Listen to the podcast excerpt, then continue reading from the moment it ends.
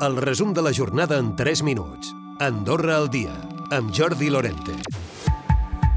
La inflació continua a l'alça, el 6,1 l'avançat del mes de setembre. Aquest IPC 5 dècimes més respecte a l'agost, quan estava al 5,6.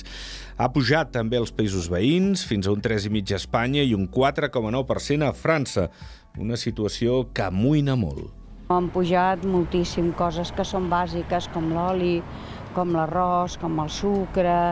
La llet, l'oli d'oliva, eh, tot eh, que és lacti. És una passada. Tot el que és fruita, verdura, tot això, caríssim. La compra s'ha triplicat igual. Potser jo em gastava a la setmana 100 euros, 100 i pico, i me'n vaig cap als 130, 140 fàcilment. Mires més, compares preus, que a lo millor potser abans no ho feies.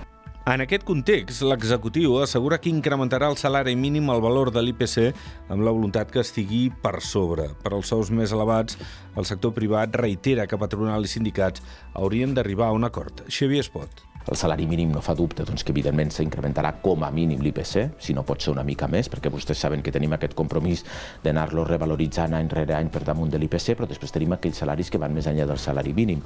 I aquí vostès saben doncs, que hi ha un diàleg social que està iniciat i que crec doncs, que hauria de fructificar amb un acord.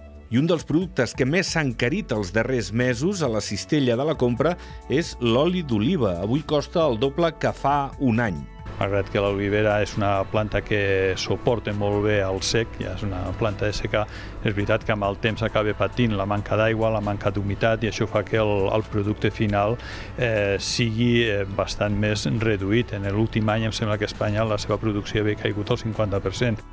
Era Raül Calvo, el director comercial del centre comercial Sant Eloi. Diu que aquesta sequera ha fet que els territoris productors aquest estiu encarissin d'aquesta manera els preus finals. Els vols nocturns a l'aeroport d'Andorra a la Seu d'Urgell ja han començat a fer-se, segons ha explicat la Generalitat aquest diumenge a la nit, i ha aterrat per primera vegada una aeronau d'aviació corporativa i expliquem que el sector turístic està preocupat perquè la problemàtica de l'habitatge afecta la contractació de personal i cada cop és més habitual que les empreses proporcionin allotjament.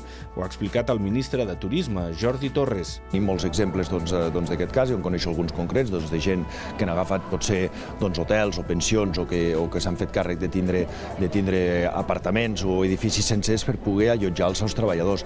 I aquesta és una miqueta la fórmula que hi ha últimament doncs, que estan fent servir doncs, eh, doncs, molts empresaris, fins i tot algun petit empresari que pugui tindre un petit restaurant, que pugui arrendar una, un apartament doncs, per poder-hi posar el seu personal.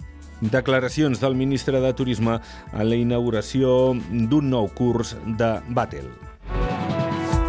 Recupera el resum de la jornada cada dia a AndorraDifusió.d i a les plataformes de podcast.